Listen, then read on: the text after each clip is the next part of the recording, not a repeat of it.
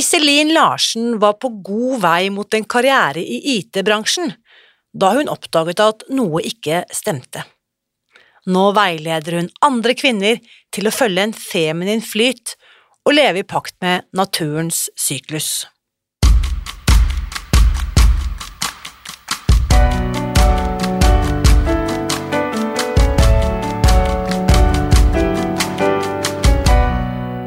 Mitt navn er Irina Lie. Jeg er journalist og forlegger, gründer og sosial entreprenør.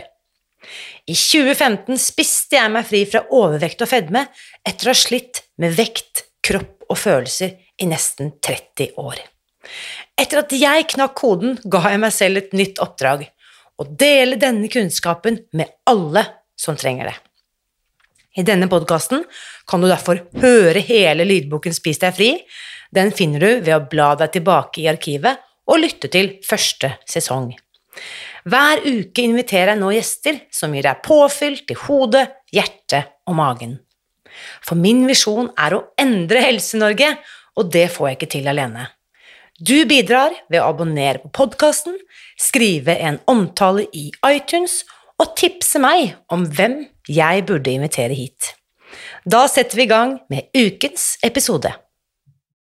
Har du tenkt på hvordan samfunnet vårt hadde sett ut hvis det var bygget opp av kvinner i stedet for av menn? Det spørsmålet stiller Iselin Larsen i dagens episode, og hennes spørsmål har fått meg til å fundere over mitt eget liv og stille spørsmål ved de valgene jeg selv har tatt, helt fra jeg var liten. Temaet vi skal snakke om i dag, kan faktisk bli inngangsporten til en helt ny verden for deg, hvor de feminine kreftene får spille hovedrollen. Her er ukens gjest. Velkommen til podkasten, Iselin. Veldig hyggelig å være her sammen med deg i studio. I likeså. Fantastisk. Og dette er første gang du og jeg møtes på ekte, og i likhet med flere av de gjestene jeg har hatt her i det siste, så har jeg funnet deg på Instagram. Instagram, ja. Eh, vi må nesten snakke litt om Instagram òg, for det er jo en kanal til mye, mye bra. Ja, virkelig. Virkelig bra, altså. Mm. Jeg har møtt uh, utrolig mye bra damer på Instagram som jeg samarbeider med nå og Ja, fantastisk. gjør ting sammen med. da. Så før vi kommer inn på alt eh, det spennende du driver med, så må jeg bare fortelle litt hva som var bakgrunnen for at jeg inviterte deg hit. Um, jeg har jo selv vært ivrig eh, elev og også lærer på Oslo Yoga i mange, mange år, Også vår felles venninne Jannicke hadde laget et, en post der hun nevnte ditt navn, fremsnakket deg og det du jobber med. Og så bare ble jeg så begeistret, så bare på bakgrunn av det innlegget så inviterte jeg deg hit umiddelbart. Eh, fortell litt om deg selv, eh, Iselin, de som på en måte ikke har rukket å finne deg på Instagram ennå. Ikke sant? Ja, ehm, jeg eh, jobber jo egentlig med å lære kvinner å få kontakt med kroppen sin igjen. Eh, få kontakt med moder jord, naturen, eh, det som er i oss og tilgjengelig allerede. Eh, og skrev jo bok i fjor, eh, i 2021, eh, så nå kan jeg jo også kalle meg for forfatter. Fantastisk. Så det er jo denne boken, og så holder jeg da kurs, både online-kurs og fysiske kurs og seremonier og foredrag og den type ting. Ja. For kvinner, da. Det er jo de som er min målgruppe. Eh, Og egentlig alle kvinner, fordi at alle kvinner har en syklus, og vi er alle sykliske kvinner. Så Mm. ja. Fordi du har jo da også en eh, yogalærerutdanning med deg i eh, på en måte bagasjen. Ja, jeg har mye rart i bagasjen, jeg. jeg jobbet jo egentlig i IT-bransjen før, eh, Ja. og sa opp den jobben for fire år siden for å starte for meg sjøl. Hva gjorde du i IT-bransjen? Jeg solgte software til noen av de største selskapene i Norge, og hadde skikkelig sånn corporate life. Eh, Gikk du med sånn eh, drakt på jobb? Jeg gikk ikke med drakt, men det var sånn skjorte og Ja. spissesko og den type ting, liksom. Ja. Så det var et veldig annerledes liv, eh, og et veldig maskulint liv, Mm. og et veldig travelt liv. Um, og jeg elsket det. Jeg syntes det var helt fantastisk på veldig mange måter, Mm. men jeg hadde en sånn følelse inni meg om at jeg skulle gjøre noe annet. Det var på en Ja. måte ikke her jeg skulle være. Men jeg har aldri hatt noen sånn tydelig retning eller noen veldig sånn sterke interesser eller hobbyer, og alt jeg har gjort i livet, har vært veldig sånn tilfeldig. Aldri vært sånn 'det skal jeg bli', eller 'det vil jeg gjøre', eller 'det interesserer meg'. og da, eh, men så begynte jeg å interessere meg for kosthold, som, eh, som veldig mange gjør, eh, og tok en kostholdsveilederutdannelse, eh, og bare leste liksom alt jeg kom over av Mm. kostholdsbøker, og veldig sånn inn i fettsyreverden og skikkelig sånn tarmnerd i flere år. Og så gikk det jo da etter hvert opp for meg at eh, det er ikke bare liksom det fysiske som gjelder. Vi må også ha på det mentale og det emosjonelle. Og så begynte jeg da å interessere meg for dette med det sykliske og månedssykluser, og gikk inn i den verden, da. Og så har det bare blitt det det er i dag. Ja. Og, den, og det på en måte foreløpig kulminerer det da med at du skriver denne boken i 2021, 'Feminin flyt'. Mm. Har du, hva Undertittelen var 'Syklusmagi for nybegynnere'. Ja. Fantastisk eh, tittel.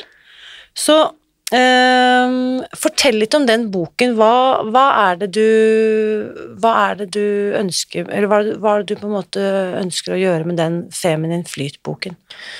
Altså det som jeg merket sjøl, når jeg kom over all den informasjonen rundt syklus, og, og egentlig primært dette med menstruasjonssyklusen, da, hvor kvinner vet veldig lite om sin egen syklus. Altså Det jeg visste om syklusen min, var at jeg har, jeg har mensen, liksom. En Og så hadde gang i jeg- måneden, Og så hadde jeg hørt om eggløsning. Ja. Og hadde ingen kontakt uh, verken med syklusen min eller med kroppen min. Eh, Mm. Og når jeg fant ut av dette her, så fikk jeg så vanvittig store fordeler av det, og kjente sånn Hvorfor i alle dager er det ingen som snakker om dette? Mm. Hvorfor vet vi ikke noen ting om syklusen vår? Hvorfor vet vi bare det som er negativt? Hvorfor er det bare fokus på ikke blø igjennom, og PMS det suger, og, og det er så dritt å ha mensen, Mm. liksom? Og så har faktisk syklusen vår fire faser, hvor det er masse magi i hver fase. Eh, og jo mer vi ignorerer syklusen vår, jo mer får vi jo plager og, og kjenner at ja, vi fungerer ikke i, i takt med kroppen vår. da. Så da var jeg bare sånn at uh, det her må jo ut, liksom. Så jeg begynte jo først å holde online-kurs og poste om det masse på sosiale medier, og holdt på med det en stund, og så fant jeg ut at ok, bokform, det er en bra måte å nå ut til folk. Og så, vi må, altså Nå ble jeg jo så nysgjerrig, for jeg sitter jo her, 46 år gammel, jeg er jo betydelig eldre enn deg. Du, akkurat når denne podkasten spilles inn, så fyller du 35 akkurat i disse dager. Ja, Så gratulerer med dagen. takk.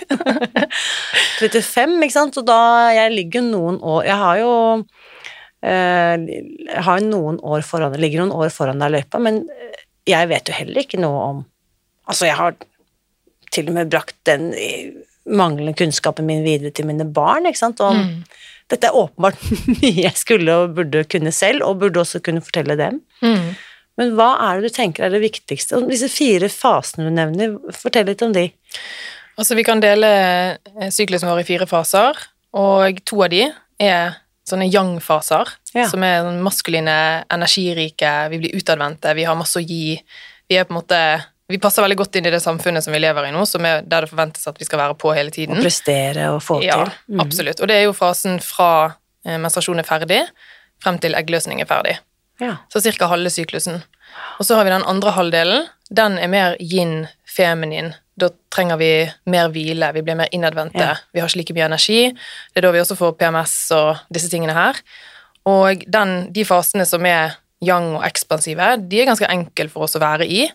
Men når det da kommer inn i den yin-fasen, det som skjer da, er at vi begynner jo å Altså, vi banker oss sjøl fordi at vi ikke har den energien vi trenger. Og vi forstår ikke at det handler faktisk om at hormonene i kroppen svinger fordi vi er sykliske kvinner. Og da tenker vi heller det at å, det må være noe galt med meg. sant? Mm. Jeg gjør jo alt riktig, jeg spiser riktig, jeg gjør ditt og gjør datt, og jeg prøver alt, og så likevel så henger ikke kroppen med. Mm. Så det å da begynne å forstå at dette går i sykluser, og det er noen faser av måneden hvor jeg trenger mer hvile, hvor jeg kan gi meg sjøl litt mer slekk, det gjør at vi begynner å forstå oss sjøl bedre og begynner å respektere kroppen vår på en bedre måte, da. Så utrolig viktig, og bare sånn for å fremheve det du sier, yin og yang, dette er jo fra liksom klassisk kinesisk medisin. Dette kjenner jo folk igjen, liksom, fra dette yin og yang-tegnet med den sorte og den halve Den sorte og den hvite, hva skal vi si, disse to dråpeformene som Mm. utfyller hverandre. Uh, og dette er jo også kunnskap som vi på en måte ignorerer. Alt det i forhold til disse polaritetene vi har med oss, eller at vi har en maskulin og en feminin side, og som også går igjen i dette nervesystemet vårt, ikke sant, alt dette her. Så alt dette henger jo sammen, men, men bare det du sier her, det, det resonnerer jo noe vanvittig med å Ja. Og, og dette henger da også sammen med naturens faser. Mm. man, den månefasen er jo også delt i fire. Ja, ja. Og hvis ikke man har blødning, hvis man f.eks. har kommet i overgangsalderen, eller bruker hormonell prevensjon, eller er gravid eller ammer, så kan man følge månens syklus istedenfor sin indre syklus. For da er jo eggløsning er jo fullmåne, og nymåne er blødning, da. Så uansett hvor gammel du er, eller om du har en menstruasjonssyklus eller ikke, så er dette kjemperelevant for deg, fordi at da bruker man likevel de yin-fasene til å roe ned. Mm. For problemet er jo det at vi går på hele måneden og presser kroppen vår, og så har vi ikke lært å lytte til de signalene som kroppen sender, og ta de på alvor. Så de fleste går jo liksom på halv åtte egentlig hele måneden. Fordi at vi hviler aldri, vi tar oss aldri tid til oss sjøl. Mm. Eh, og det er ikke så veldig mye som skal til. Det, skal være, det kan være ganske små justeringer som skal til. Men dette her er jo ting som Altså, vi blir påvirket av syklusen vår uansett om vi vil det eller ikke. Ja. Så da kan du velge om du skal synes at det er dritt, og bare ignorere det, Kjempe mot det, nesten. ja, og eller så kan du flyte med da, og lære deg å bruke det som en fordel. Mm. For hvis man begynner å ta litt mer hensyn i disse yin-fasene, så får man veldig mye mer ut av yang-fasen også. Mm. For det hormonsystemet vårt er så finstemt, så jo mer stress vi har, jo mer vi ignorerer kroppen, jo mindre eh, får vi jo ut av kroppen vår også. Ja. Kunne du bare gjenta dette med For jeg vet at mange som lytter og følger Spis deg fri, de er også kvinner som har kommet til overgangsalderen, eller på en måte også godt voksne og eldre og bestemødre og ikke sant. Alle Kunne du bare gjenta at fullmånen representerer da Eggløsning. eggløsningen, som da på en måte er starten på denne yin-fasen, Ja. hvor vi skal roe litt ned. Mm. Så fra fullmåne og frem til nymåne, som da er ca. 14 dager senere, Mm. så kan vi være litt i dette litt passive, litt eh, ikke bedagelige, men uh, i hvert fall litt hvilende. Ja, og så er det jo veldig mange da som uh, blir sånn trigget, for det er sånn jeg har ikke muligheten til det, og, og hva tror du liksom, at jeg bare kan ligge på sofaen og Mm. spise popkorn i to uker? Og det er ikke det det handler om. Det handler om å kanskje ikke eh, planlegge de største tingene i den fasen, sant? Ikke ta de viktigste jobbmøtene. Eh, hvis du har muligheten til å bytte en vakt når du har menstruasjon, gjør det, sant? Si nei til noen eh, sosiale ting, få litt mer hjelp hjemme, gjøre små justeringer. Det er ikke snakk om at vi skal legge om livene våre, eller ligge på sofaen i to uker.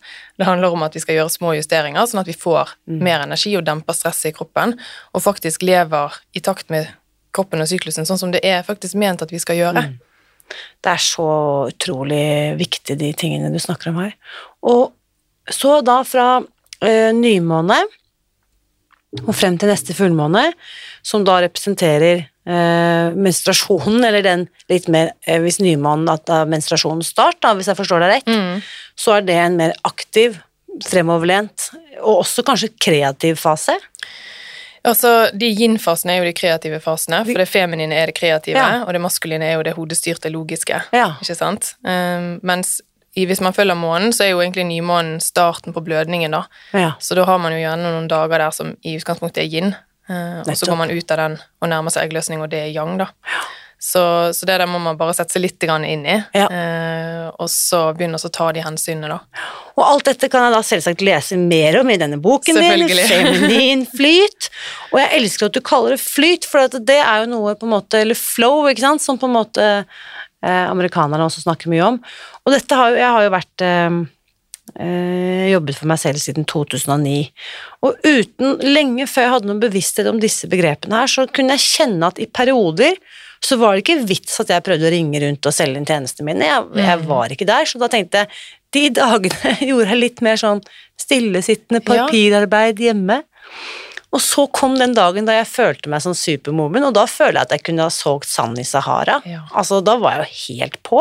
Nesten litt sånn overtenning. Og så Mhm. når jeg tenker tilbake, basert på det du sier her nå, så tenker jeg at dette er jo helt sikkert forbundet med den natur, naturlige syklusen min. Helt garantert. For når vi er i den yang-fasen, og spesielt når det nærmer seg eggløsning, så er jo det, det er jo den perioden vi er fertil. Ja. Og da har naturen vært så smart at da blir vi magnetiske, for vi skal tiltrekke oss en Ja. make som vi kan faktisk pare oss og få barn, da. og da eh, blir vi faktisk sånn at ja, det er lettere for oss å få ja. Eh, Det er lettere for oss å ta samtaler. Vi føler oss bare så digg, liksom, i den perioden. Ja. Og det, det, altså det ser jo de rundt oss. Jeg merker det bare sånn når jeg går på butikken, så merker jeg at flere smiler til meg, Ja. og flere snakker til meg. Og Så blir jeg sånn Guri, og så er jeg sånn Å, jeg har jo eggløsning.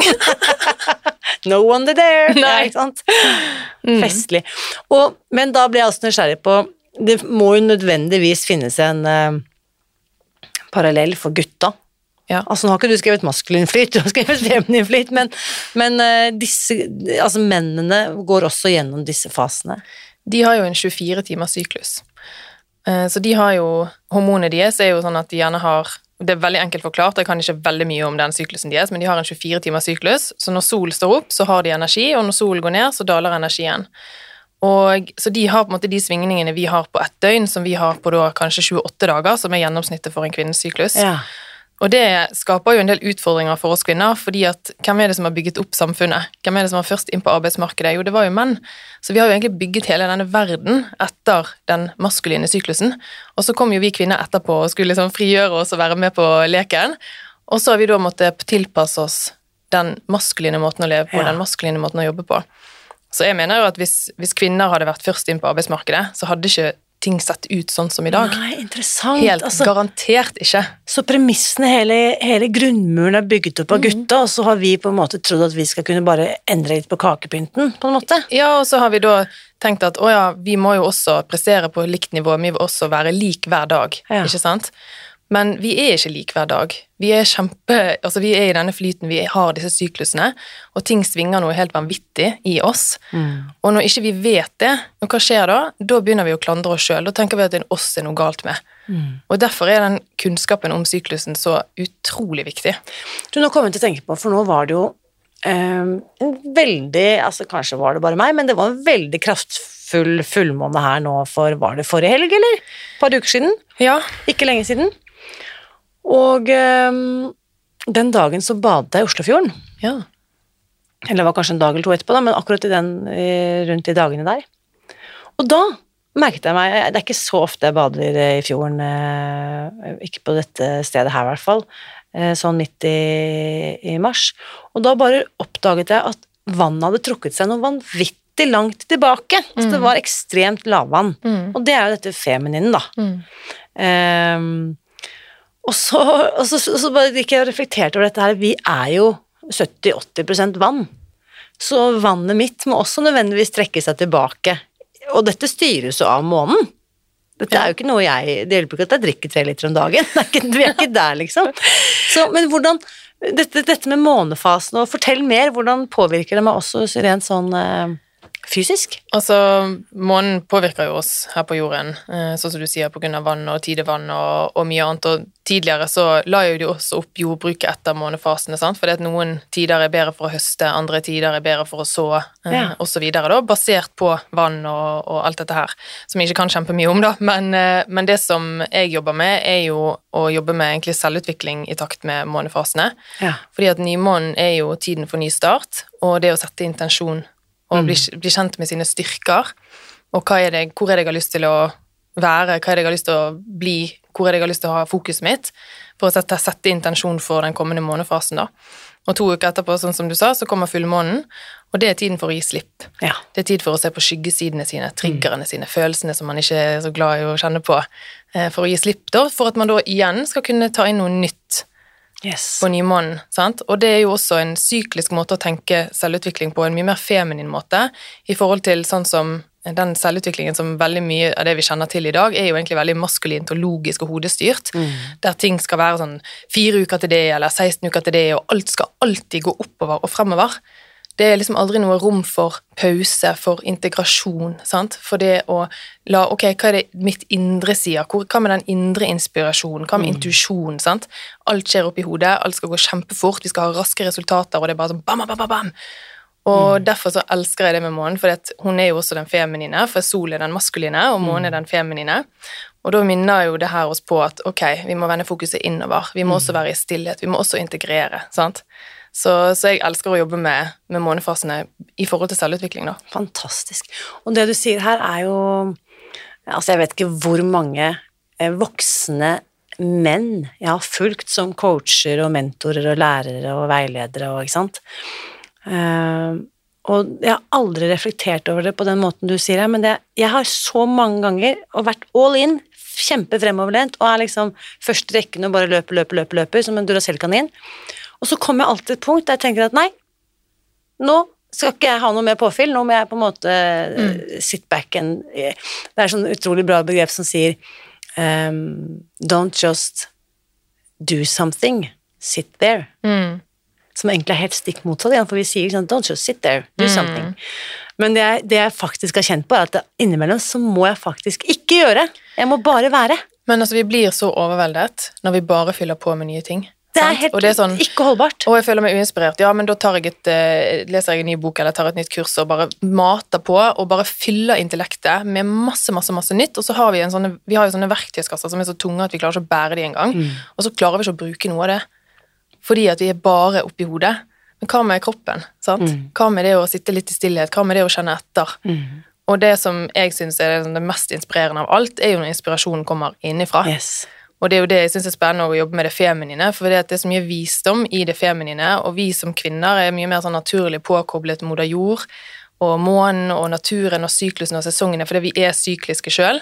Så vi har jo så godt av å jobbe mer syklisk også i den selvutviklingen vår, og Fantastisk. når vi skal rett og slett ja, oppnå ting i livet, da. Jeg må bare fortelle litt om det fullmåneritualet som du helt sikkert kjenner til og sikkert har en egen vri på, men nå da, under siste fullmåne nå i mars, så har jeg eh, en god venninne som heter Unni, som også har vært gjest her på podkasten.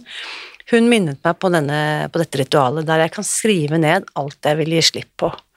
Eh, og sånn som du nevnte, liksom, skyggesidene. Mm. ting jeg på en måte ønsker å bli ferdig med. Eh, ting som jeg på en måte rett og slett ikke vil ta med meg videre i neste syklus, da. Så Um, Og jeg, jeg er jo all about sånne journaling prompts. Jeg elsker jo jeg, jeg vet jo ikke hva jeg selv tenker før jeg har skrevet omtrent. Jeg må sitte med penn i hånd, da, da kommer tankene mye lettere til meg. Så jeg satt og skrev og skrev, og så skrev jeg litt til, og så fylte jeg bare ut Jeg fylte faktisk ut resten av notatboken. Det var sikkert tre-fire sider med tekst.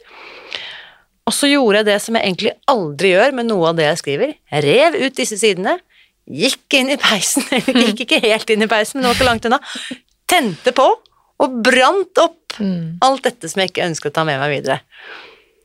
Utrolig befriende.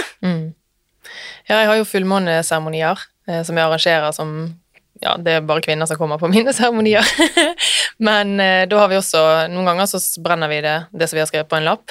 Eller så bruker jeg en del visualiseringer der man f.eks. ser for seg at man går til en elv, og så ser man at da denne Ja. elven vasker vekk alt det man ikke trenger. Så alle sånne seremonier eller, eller ritualer for å gi slipp, da, er jo veldig kraftfullt. Eh, Fantastisk. veldig deilig. Og det minner meg også om det, ikke sant ehm, 2021, det, jeg tror dette har vært veldig opprensende år for flere av oss. Eh, 2021 så ryddet jeg hele hjemmet mitt, sånn Marie Kondo-aktig. Altså satt, bare, satt med hver ting og bare Elsker jeg dette? Vil jeg ta det med meg videre? Nei, jeg gir det Takk for følget, gi det videre kjærlighet. Og da, på en måte, hvis jeg skal drive og klamre fast, og liksom, nå sitter jeg her med liksom to lukkede hender, hvis jeg skal liksom klamre meg fast i ting, eller holde fast, eller ikke gi slipp, så er det jo heller ikke noe nytt jeg kan ta imot. Nei. Du kan ta imot masse nytt, men du blir bare overveldet. Ja. Sant? Og det er jo det jeg ser veldig mange er. De er bare fullstendig overveldet. Mm. Og da, hva skjer når vi er overveldet? Jo, da blir vi passiv. ja. Da får ikke vi gjort noe som helst. Da går vi nesten i den tilstanden av ikke fight or flight, men da blir vi nesten sånn freeze, Ja, litt sånn apatisk. apatiske, og nesten litt sånn likegyldige. Mm. Den er ikke noe grei. Der er det heller ikke noe greit å være. Der har jeg også vært. Ja. Uh, ja. Så har du et tips bare for å liksom teppe inn på dette her, så ikke dette heller skal bli en sånn greie på to do-listen min, hvor er det du vil anbefale å starte? I forhold til I forhold til dette å leve litt mer i pakt med, med syklus, Mm. enten min egen naturlige eller da månens syklus. Det som jeg anbefaler alle, er å begynne å logge syklusen sin. Ja. Eh, rett og slett gjøre et lite sånn rituale på kvelden der man bare setter av to minutter og skriver ned noen punkter på hvordan man har hatt det. Både fysisk og emosjonelt og mentalt. Eh, og jeg har en metode som jeg eh, bruker i boken, som er sånn man deler en side i fire, og sånn at man får da første dag i syklusen eh, på fire sykluser, første dag i syklusen på fire sykluser på samme ark. Ja. Så da har man jo egentlig kanskje 28 ark da, hvor man har første syklus på første ark eller første dag osv. For det som skjer da, er at hvis man gjør dette over tid, så begynner man å se sammenhengene mellom hvordan man har det den første dag i syklusen og den andre dag i syklusen, og da begynner man å forstå at å ja, jeg er faktisk ganske lik i disse og disse periodene. Og bare den, den lille øvelsen av å sette seg ned på kvelden i to minutter og sjekke inn med seg sjøl, er så kraftfull, for det gjør vi veldig sjeldent. Mm. Eh, Og når man har gjort det en stund, så kan man også Det som jeg har, er at jeg har alle, eller tre sykluser log, eller, lagt inn i kalenderen min tre måneder frem i tid. Ja. Sånn at da, for eksempel, denne våren her skjer det masse. Jeg skal ha holde foredrag, og jeg skal overalt og reise og tjo og hei. Og da er jeg sånn, ok, jeg gjør ikke det midt i mensen. Nei. For da vet jeg at jeg føler meg ikke noe bra. Jeg får dårligere selvtillit. Mm. Jeg føler at liksom, sant, huden og jeg blir liksom pløsete. Mm. Jeg blir mer introvert. Jeg er ikke like god på å prate. Og derfor så gjør jeg meg en ganske sånn stor tjeneste ved å ikke legge det til Ja. de periodene som ikke er bra for meg å gjøre det. At jeg rett og slett prøver å, å planlegge litt fremover i tid. For før var jeg sånn, jeg våknet om morgenen så var jeg sånn Hvilken dag blir dette? Blir det en dag med energi eller uten energi? Kommer det til å være sånn eller sånn? Mens nå er det sånn, å ja, nå vet jeg at jeg går inn i en sånn toukersperiode der jeg har dette og dette og dette. Og det gir meg en større frihet, faktisk. Fordi at jeg kan planlegge eh, og vite litt om hva som skjer, så det blir ikke sånn bingo. Fantastisk. Du lar ikke bare dagen ta deg, liksom, Nei. du tar dagen. Så um, i boken din øh, må bare først bare anerkjenne deg for at du faktisk har gitt ut denne boken på ditt eget forlag. Altså, du har selvpublisert denne boken. Ja. Uh, og jeg, da, som både forlegger, og jeg har jo selv gitt ut bøker på alle de store etablerte forlagene, men jeg er bare nysgjerrig på hva hva var det som Altså, hvordan turte du å være så modig at du gjorde det, liksom? Hva, hva, fortell litt om den prosessen der. Uh, nei, altså, nå først er inne på at jeg har bursdag i disse dager, jeg er jo vær, som er astrolog i væren, og alltid vært veldig uredd. Og kaster meg inn i ting, eh, og tenker gjerne før jeg handler. Mm. Og så liker jeg også Handle før du tenker. Eh, handler før jeg tenker, ja. Ikke sant? Helt riktig. Eh, og eh, ja, jeg bare kjente også det at jeg hadde ikke lyst til å være på et forlag der noen skulle fortelle meg hvordan noe skulle være, eh, at jeg ikke kunne få liksom, fulle rettigheter til boken, for det driver jo Altså, boken er jo bare én liten del av alt det jeg gjør, så jeg hadde lyst til å på en måte ha full frihet til å kunne gjøre det jeg ville med den boken. da. Ja. Og så har jeg jo ganske mange følgere og har holdt på i noen år, så jeg var ganske trygg på at jeg kunne få solgt denne boken Ja. min uh, uten et forlag. Eh, så kan det hende at jeg har solgt mer med et forlag, men det er sånn, jeg kjente at det var riktig Yes. for meg. Så bra. Mm. Jeg tror, det, jeg tror du har helt rett i det. Mm. Jeg ville ha eh, Og ikke sant, dette er litt sånn skummelt, um, fordi alle er ikke som deg, og alle er ikke som meg. Så veldig mange har jo spurt meg om råd, og da Det er nesten umulig å si hva som andre bør gjøre. Mm. Men for min egen del, når jeg skulle gi ut Spis deg fri, så kjente jeg også det at uh, dette skal jeg på en måte uh, ta fullt eierskap til, Mm. Uh, men også ta fullt ansvar for. Ja. Så det, måte, det henger jo sammen, da, ikke sant. Mm. Eh, men da er det så gøy at det går så bra med boken din, for den har jo fått masse blest, og du har vært på mange podkaster og ja, og vi har solgt ut første opplag, Fantastisk. så det er kjempe, gratulerer. kjempegøy. Dette vet du kanskje ikke, men gjennomsnittsboken i Norge så selger jo sånn 862 eksemplarer. Ja, Så vi har solgt nesten dobbelt så mange nå. Ja, ikke sant? Mm. Så det er en braksuksess. Og den selger ennå, så den, det, ja. Det, Det er helt fantastisk. Mm. Og da har de jo regnet med, ikke sant, typ sånn eh, Jo Nesbø som selger 100 000 og sånn. Mm. Hvis du på en måte Og disse, år, disse tallene er noen år gamle, så eh, Nei, det er bare noen få hundre x at eh, gjennomsnittsboken eh, eh, Ja. Så det å, å selge ut et førsteopplag er rett og slett en stor bragd. Tusen takk. Veldig bra. Så, men den kan bestilles på uh, i alle landets bokhandlere og Ja. på nettsiden din og ja. Ja. Eh, supert. Og det du også skriver om i boken som jeg syns er kjempespennende, som var liksom det første jeg skrev til denne meldingen Vi må snakke om dette! eh, og vi har jo vært inne på det, men i boken så skriver du også om dette med maskuline og feminine verdier. Vi har lyst til at vi skal liksom dypdykke litt i det. Eh, hva var din egen inngang til disse, dette temaet her? Min egen inngang var jo det at jeg var veldig i det maskuline. Jeg jobbet i IT-bransjen, som er et veldig maskulint miljø. Eh, Jeg lever i en veldig maskulin verden, Mm. og jeg har også hatt en, eh, en oppvekst som eh, gjorde at jeg måtte ta på meg litt av disse tøffe egenskapene for å liksom i hermetegn overleve, da. Overleve, ja. Mm. Det var litt dramatisk sagt, men altså, du skjønner hva jeg mener. Men, men det, så summen av det gjorde at jeg var veldig i det maskuline, og jeg hadde et ekstremt stort kontrollbehov. Jeg var veldig mye oppi hodet, hadde ikke så veldig god kontakt med kroppen min. Jeg var dårlig på å være sårbar, jeg syntes det var utrolig skummelt. Eh, Så jeg hadde veldig mange av de maskuline egenskapene mine som, som var veldig enkel for meg å, å adoptere, og som jeg var dritgod på. Og så hadde jeg mange av de feminine egenskapene som jeg kjente at åh, dette, dette vil jeg ha mer av, men jeg har ikke tilgang til det, fordi at jeg er så mye mitt maskuline. Eh, og dette jaget og dette stresset og den verden som jeg levde i, hvor ting bare gikk i høygir hele tiden, jeg kjente sånn det her, Jeg vil ikke ha det sånn. Det er ikke bærekraftig, og, og jeg får ikke brukt hele meg, da. Så, så det var Og det har jo kommet som et resultat av at jeg har begynt å jobbe mer syklisk. Fordi at når jeg koblet meg på syklusen min og begynte å logge den og begynte å bli kjent med den, så er jo det sykliske er jo det feminine. Og du kommer nesten ikke unna altså utenom det feminine når du begynner å koble deg på Ja. kroppen din og, og underlivet ditt og livmoren din og alt det som er i deg. da. Så, så det handler rett og slett om at jeg var på den helt andre siden og kjente sånn Her er det ubalanser. Ja. Mm. Så um, for eksempel det at du ikke hadde kontakt med følelsene dine. Hvordan hadde du altså Jeg har jo kjent det i min egen kropp de mange lange årene hvor jeg var helt Altså, kroppen eksisterte jo ikke. Altså, jeg eksisterte fra halsen og opp, type, ikke sant. Så satte det seg jo i kroppen. Uh, hadde jo masse greier. Hvordan, hvordan manifesterte det seg for deg? Veldig mye sånn stressymptomer. Ja. Kjempevondt i nakken. Gikk til eh, naprapat og fysioterapeut én gang i uken. Eh, Hadde stram skjeve. Eh, Syklusen min hadde jo mye mer plager i syklusen eh, Ja. enn nå.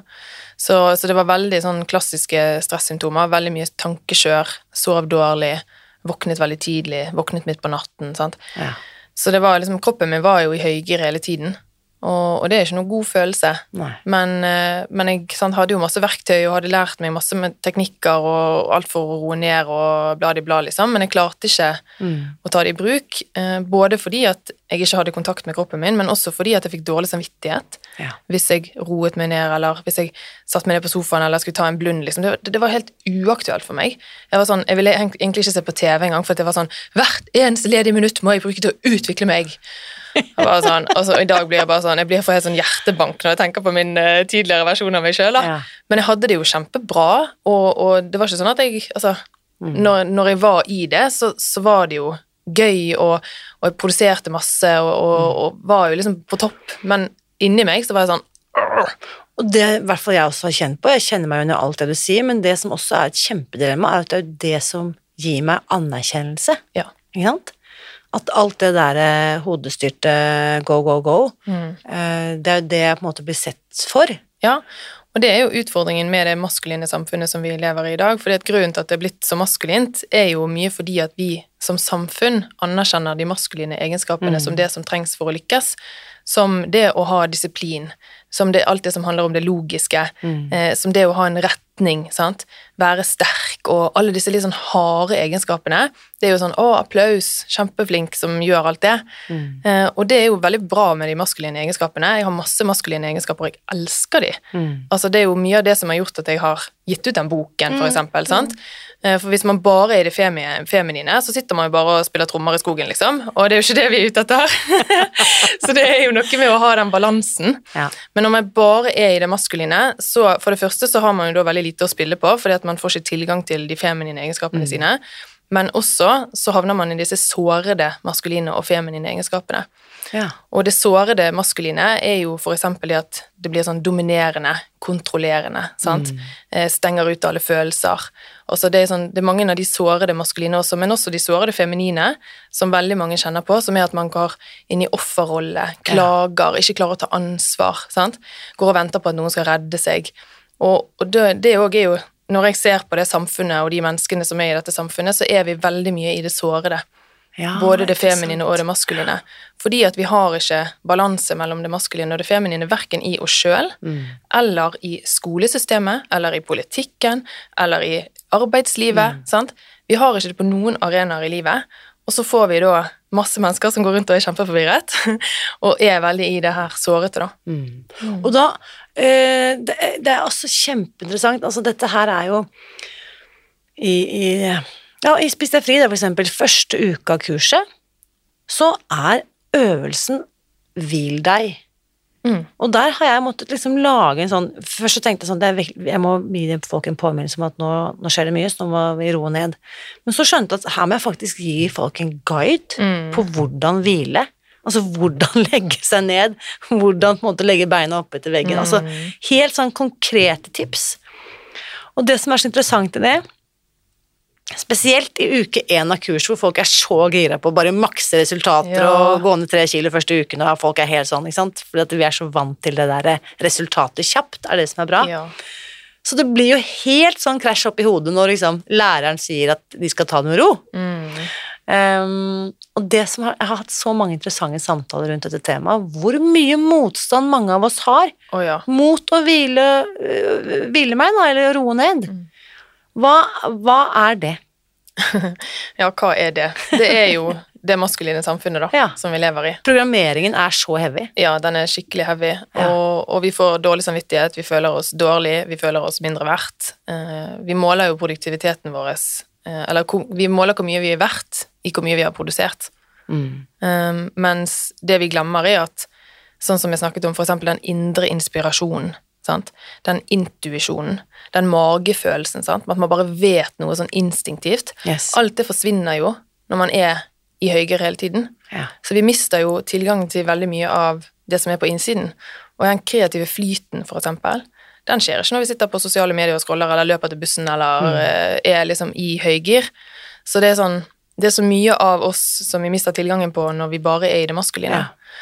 Men det som jeg ser, er jo det at når kvinner begynner å forstå syklusen sin, og begynner å forstå at vi svinger som mennesker, og det er ikke fordi at vi ikke er gode nok, det er fordi at vi har hormoner som gjør at vi faktisk ikke klarer å ha den energien, så merker jeg, eller ser på mine kunder og kursdeltakere og alt dette her, at de begynner å kjenne at vet du hva, jeg må hvile fordi at kroppen min trenger det. Ja.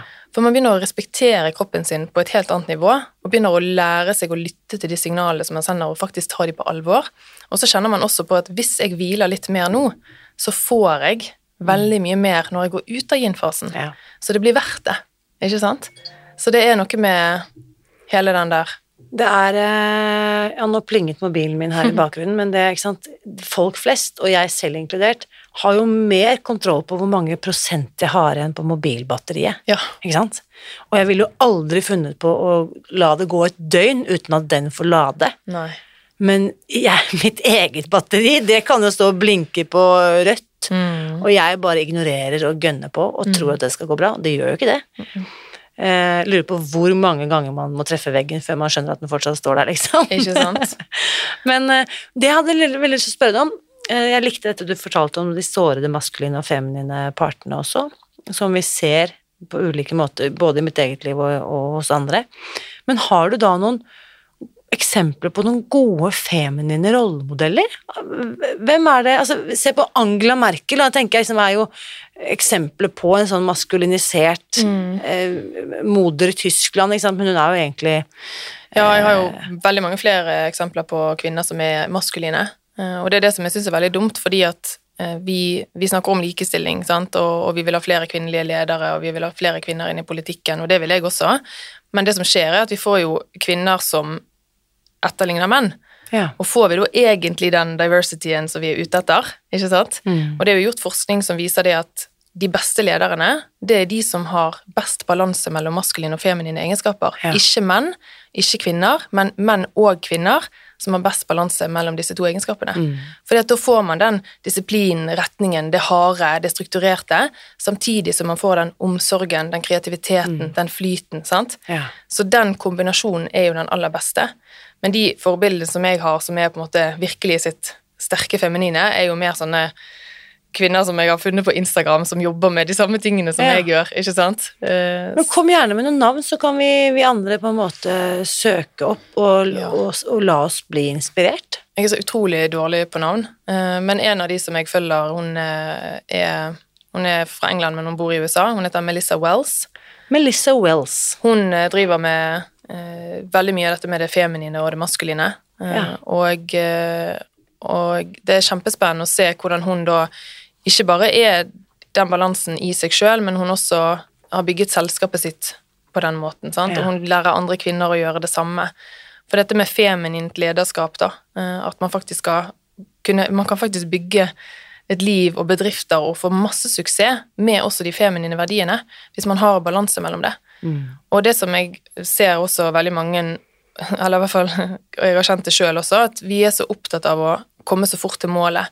Vi er så opptatt av hva andre syns, hva andre tenker, hva samfunnet forventer av oss. Og vi bare kjører på, kjører på, kjører på. Og så kommer Det er så mange som er sånn, bare de kanskje 30, 35, 40, 45, så er det sånn Er dette livet mitt? Jeg lever et liv som jeg ikke kjenner meg igjen i. Jeg har ikke en jobb som jeg trives med. Jeg har ikke en mann jeg liker. sant? Og så er det sånn Ja, det er jo ikke så rart, det, for du har jo ikke sjekket inn med deg sjøl siden du var tenåring, kanskje. Sant? Så vi bare, vi bare durer på i helt feil retning. Og derfor er det det her med å få inn det feminine, for det er jo stillhet, det å lytte, det å bare være. Det også å stole på prosessen, sant? eller stole på universet, da, som er sånn Folk bare 'Stole på universet, kan vi la du Men det handler jo om å stole på at ting vil skje uten at jeg gjør noe aktivt. Men vi har jo lært oss at hvis ikke du gjør noe, så skjer det ingenting. Nei, sant. Så her er det bare så utrolig mye spennende å utforske. Og det som jeg har sett for min egen del, er at når jeg begynte å lære meg disse feminine verdiene og egenskapene, som var en lang vei, og det var skummelt, det å lære seg å være sårbar, eksempel, det å lære seg å slippe kontrollen, det er masse frykt bak det, ikke sant? Så jeg måtte jobbe ganske aktivt med meg sjøl. Men plutselig så har jeg jo fått et helt nytt aspekter av egenskaper Ja. å spille på. Både i jobben min, i relasjonene mine, som menneske. Mm. Og det er jo bare sånn jeg bare, Oi, wow, har jeg dette i meg? Mm. Bor det i meg? Jeg har ikke, jeg har ikke hatt kontakt med det før. Men da blir jeg veldig nysgjerrig på hvordan, hvilke endringer har da også funnet sted i Altså Vil du si at denne reisen begynte for fire år siden, eller det hørte, hørtes ut som den kanskje begynte før det òg, men at eh, Um, jeg vil jo si at uh, den startet sånn for fullt for fire år siden, ja. Så i løpet av disse fire årene, uh, hva skjer med kroppen din? Hvilke endringer går du gjennom øh, rent fysisk, fysiologisk? Altså Rent fysisk så har jo disse stressymptomene nesten sluppet helt taket. Jeg kan ha perioder hvor jeg kjenner på stiv nakke og, og at jeg har litt tankekjør på kvelden, og sånn, men jeg har fått en mye større indre ro. Og det er på tross av at jeg driver et eget selskap. Ja, Som jo Sant? er veldig stressende. Ja, ja, ja. Før hadde jeg en 8-4-jobb, og jeg hadde en god lønn, og ting var ganske trygt. Nå er jo alt veldig utrygt, eh, men jeg har funnet en, en helt annen ro, da. Og de som kjenner meg og har kjent meg gjennom hele denne perioden, sier at, at jeg har en, en helt annen aura. Jeg har en helt annen Ja. ro. Jeg er mye mer sånn stødig, ikke sant? Ja. Som er sånn, De kaller meg sånn, et sånn tre da, som bare står. Yes. og mens før var jeg sånn Jeg var liksom overalt, da. Men eh, så jeg har fått Det er akkurat som at jeg har landet i kroppen min. Mm. Landet i meg sjøl. Og så er jeg mye flinkere til å stole på meg sjøl. Ikke Ja. sant? Hvis du står kjenner her. nei, så, så, så er det nei. Ja. Øh, og de gangene du går imot det, og mot formodning, så, så betaler ikke det seg. Nei, og jeg gikk jo på en sånn smell i fjor sommer, hvor jeg begynte å lytte til alle andre, for jeg har jo online-kurs. eh, Og det gikk kjempebra eh, de første ett og et halvt årene, for da gjorde jeg bare helt min greie. Ja. Jeg bare jeg hadde ikke peiling på hvordan man holdt online-kurs. Jeg hadde aldri tatt noe, aldri tatt noe kurs, ingenting. Jeg bare gjorde min greie, og det gikk så bra. Og så ble jeg kjent med flere som jobber med online-kurs. Ja. De bare 'Å, du må gjøre dette, du må gjøre dette, du må ta det kurset, du må gjøre sånn', for da er du så, du kommer til å få så mye flere kunder. Og jeg bare 'Oh', så, så blir det jo forlokkende, sant. Det, var, det høres kjempespennende ut. Og så begynte jeg å gjøre det, og så bare floppet jeg Mm. ja. fullstendig. For det er ikke autentisk lenger. Nei. Mm. Og så var jeg bare sånn Ok, Iselin. Hva skjedde nå? Jo, jeg har lyttet til alle andre. Nå må jeg finne tilbake til meg Ja, sjøl. Så jeg går jo på en smell, jeg også. Jo, men det jo Jeg tror det er jo Jeg tror det er en kjempeviktig del av læringen. Jeg tror på en måte I hvert fall for min egen del. Altså, jeg ville ikke vært alle de nedturene foruten. Nei. Herregud, så mye jeg har lært mens jeg har krabbet rundt på alle fire der og vært helt lost, ikke sant?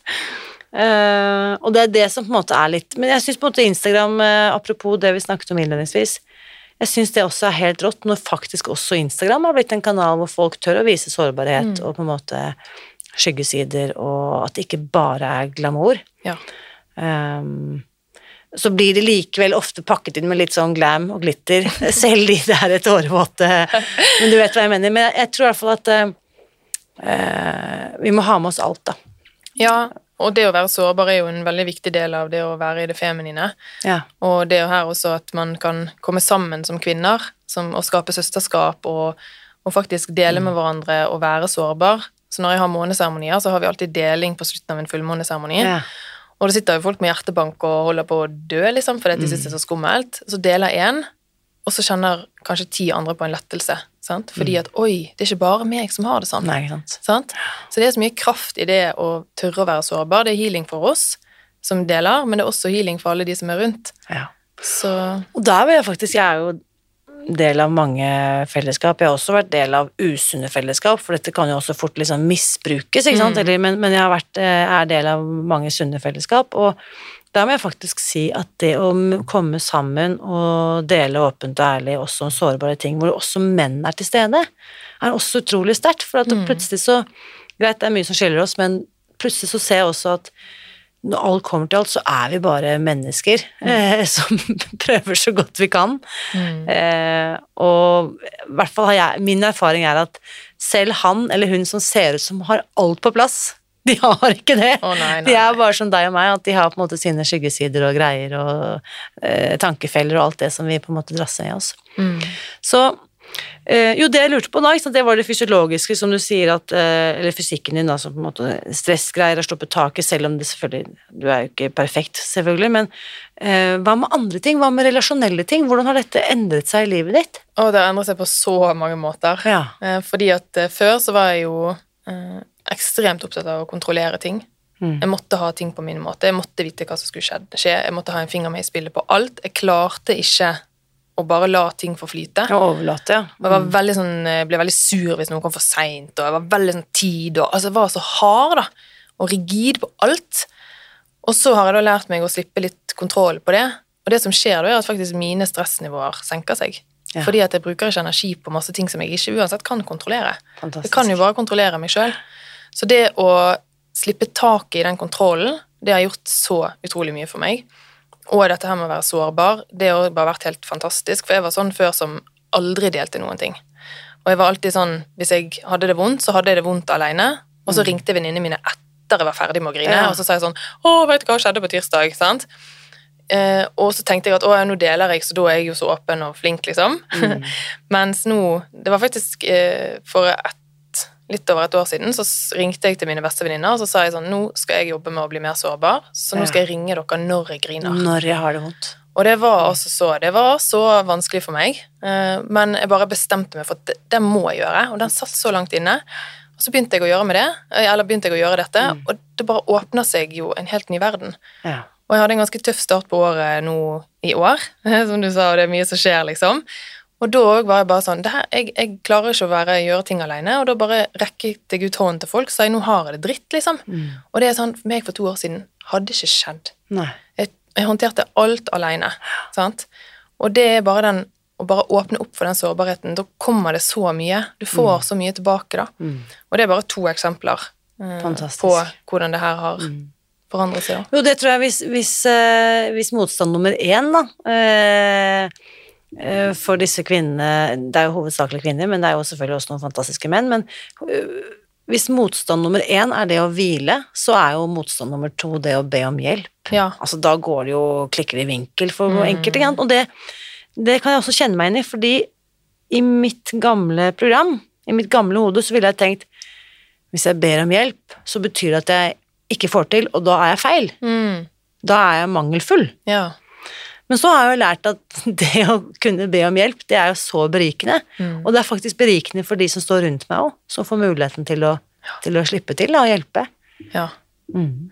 ja, og det å be om hjelp er jo Det hører jeg veldig mye av kvinner som, som jeg jobber med. Mm. Eh, Og det å, men så er det også en sånn paradoks der, fordi at veldig mange kvinner, eh, fordi at vi lever i et maskulint samfunn, er veldig det maskuline og har veldig dette kontrollbehovet.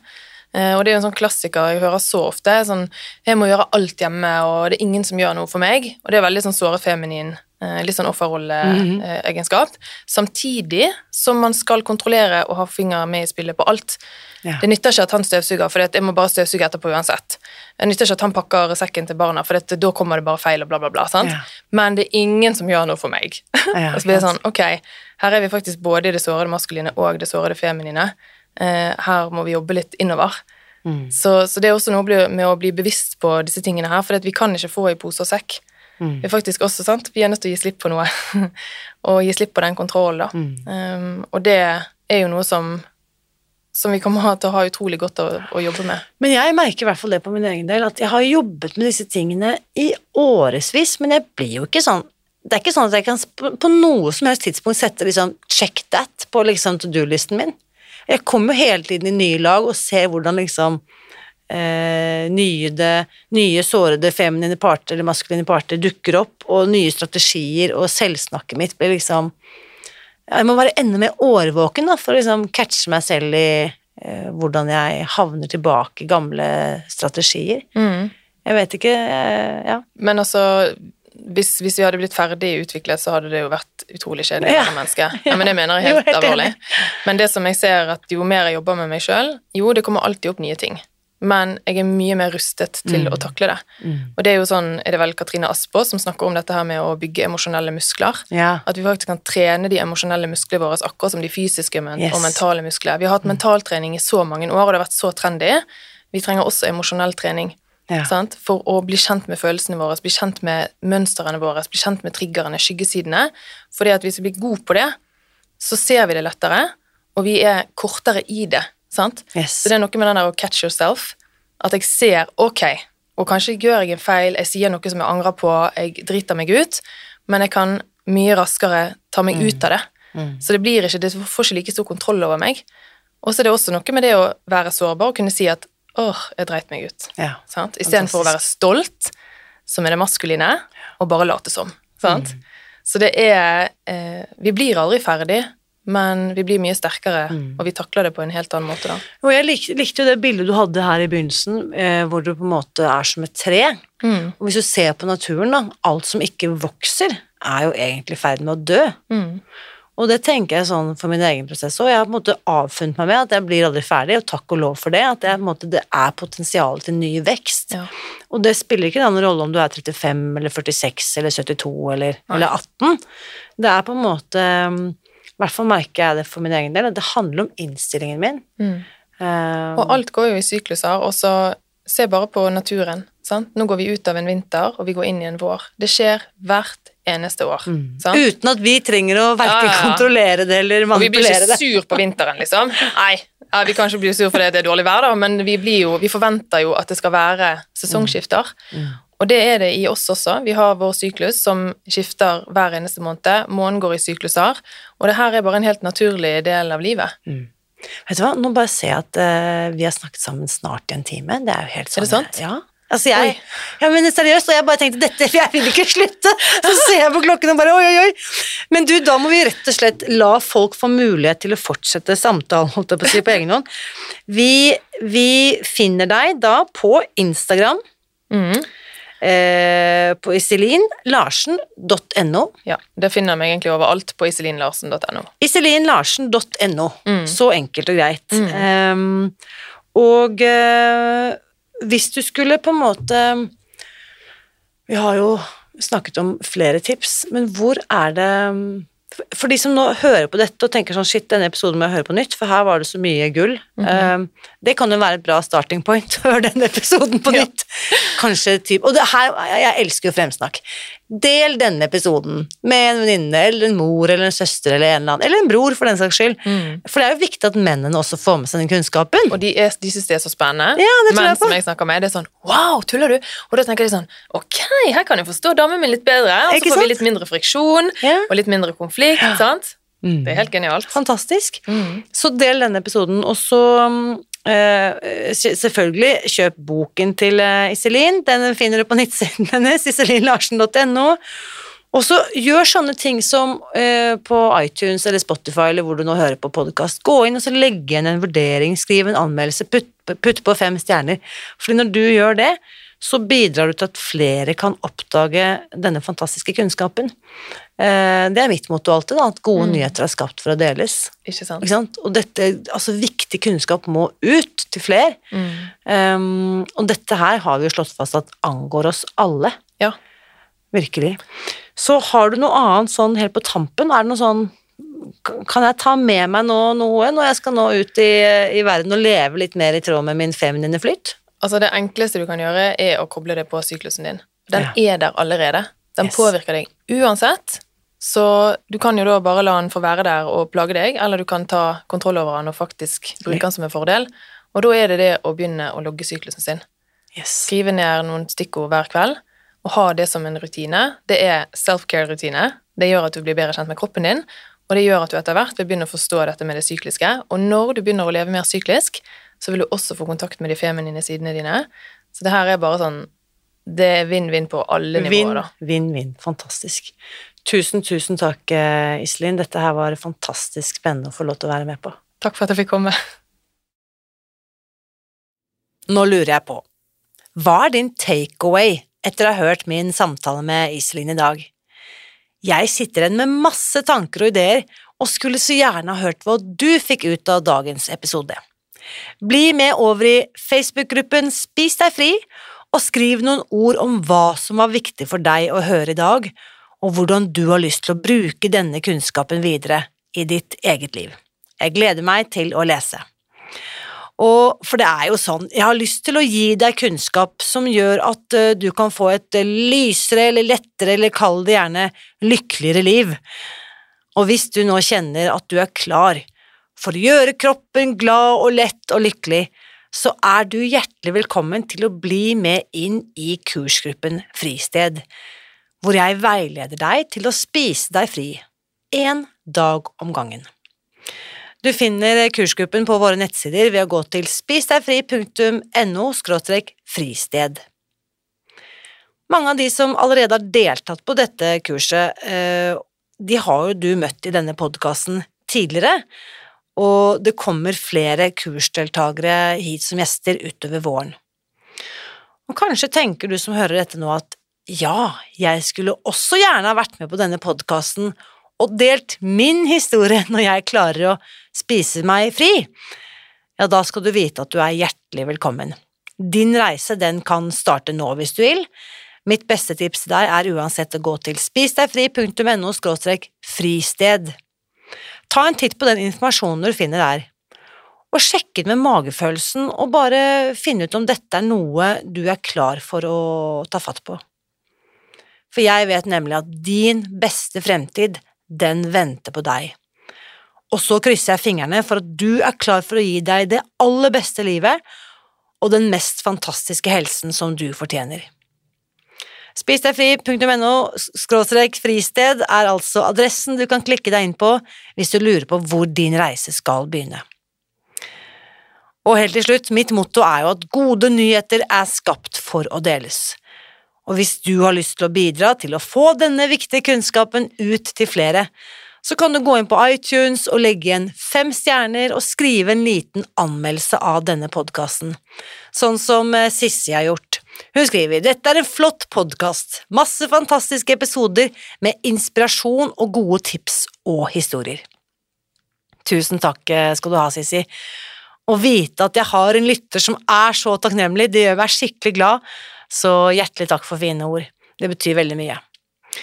Husk også, uansett hvor mange stjerner du velger å legge igjen på denne podkasten, så vit at jeg heier på deg. Alltid.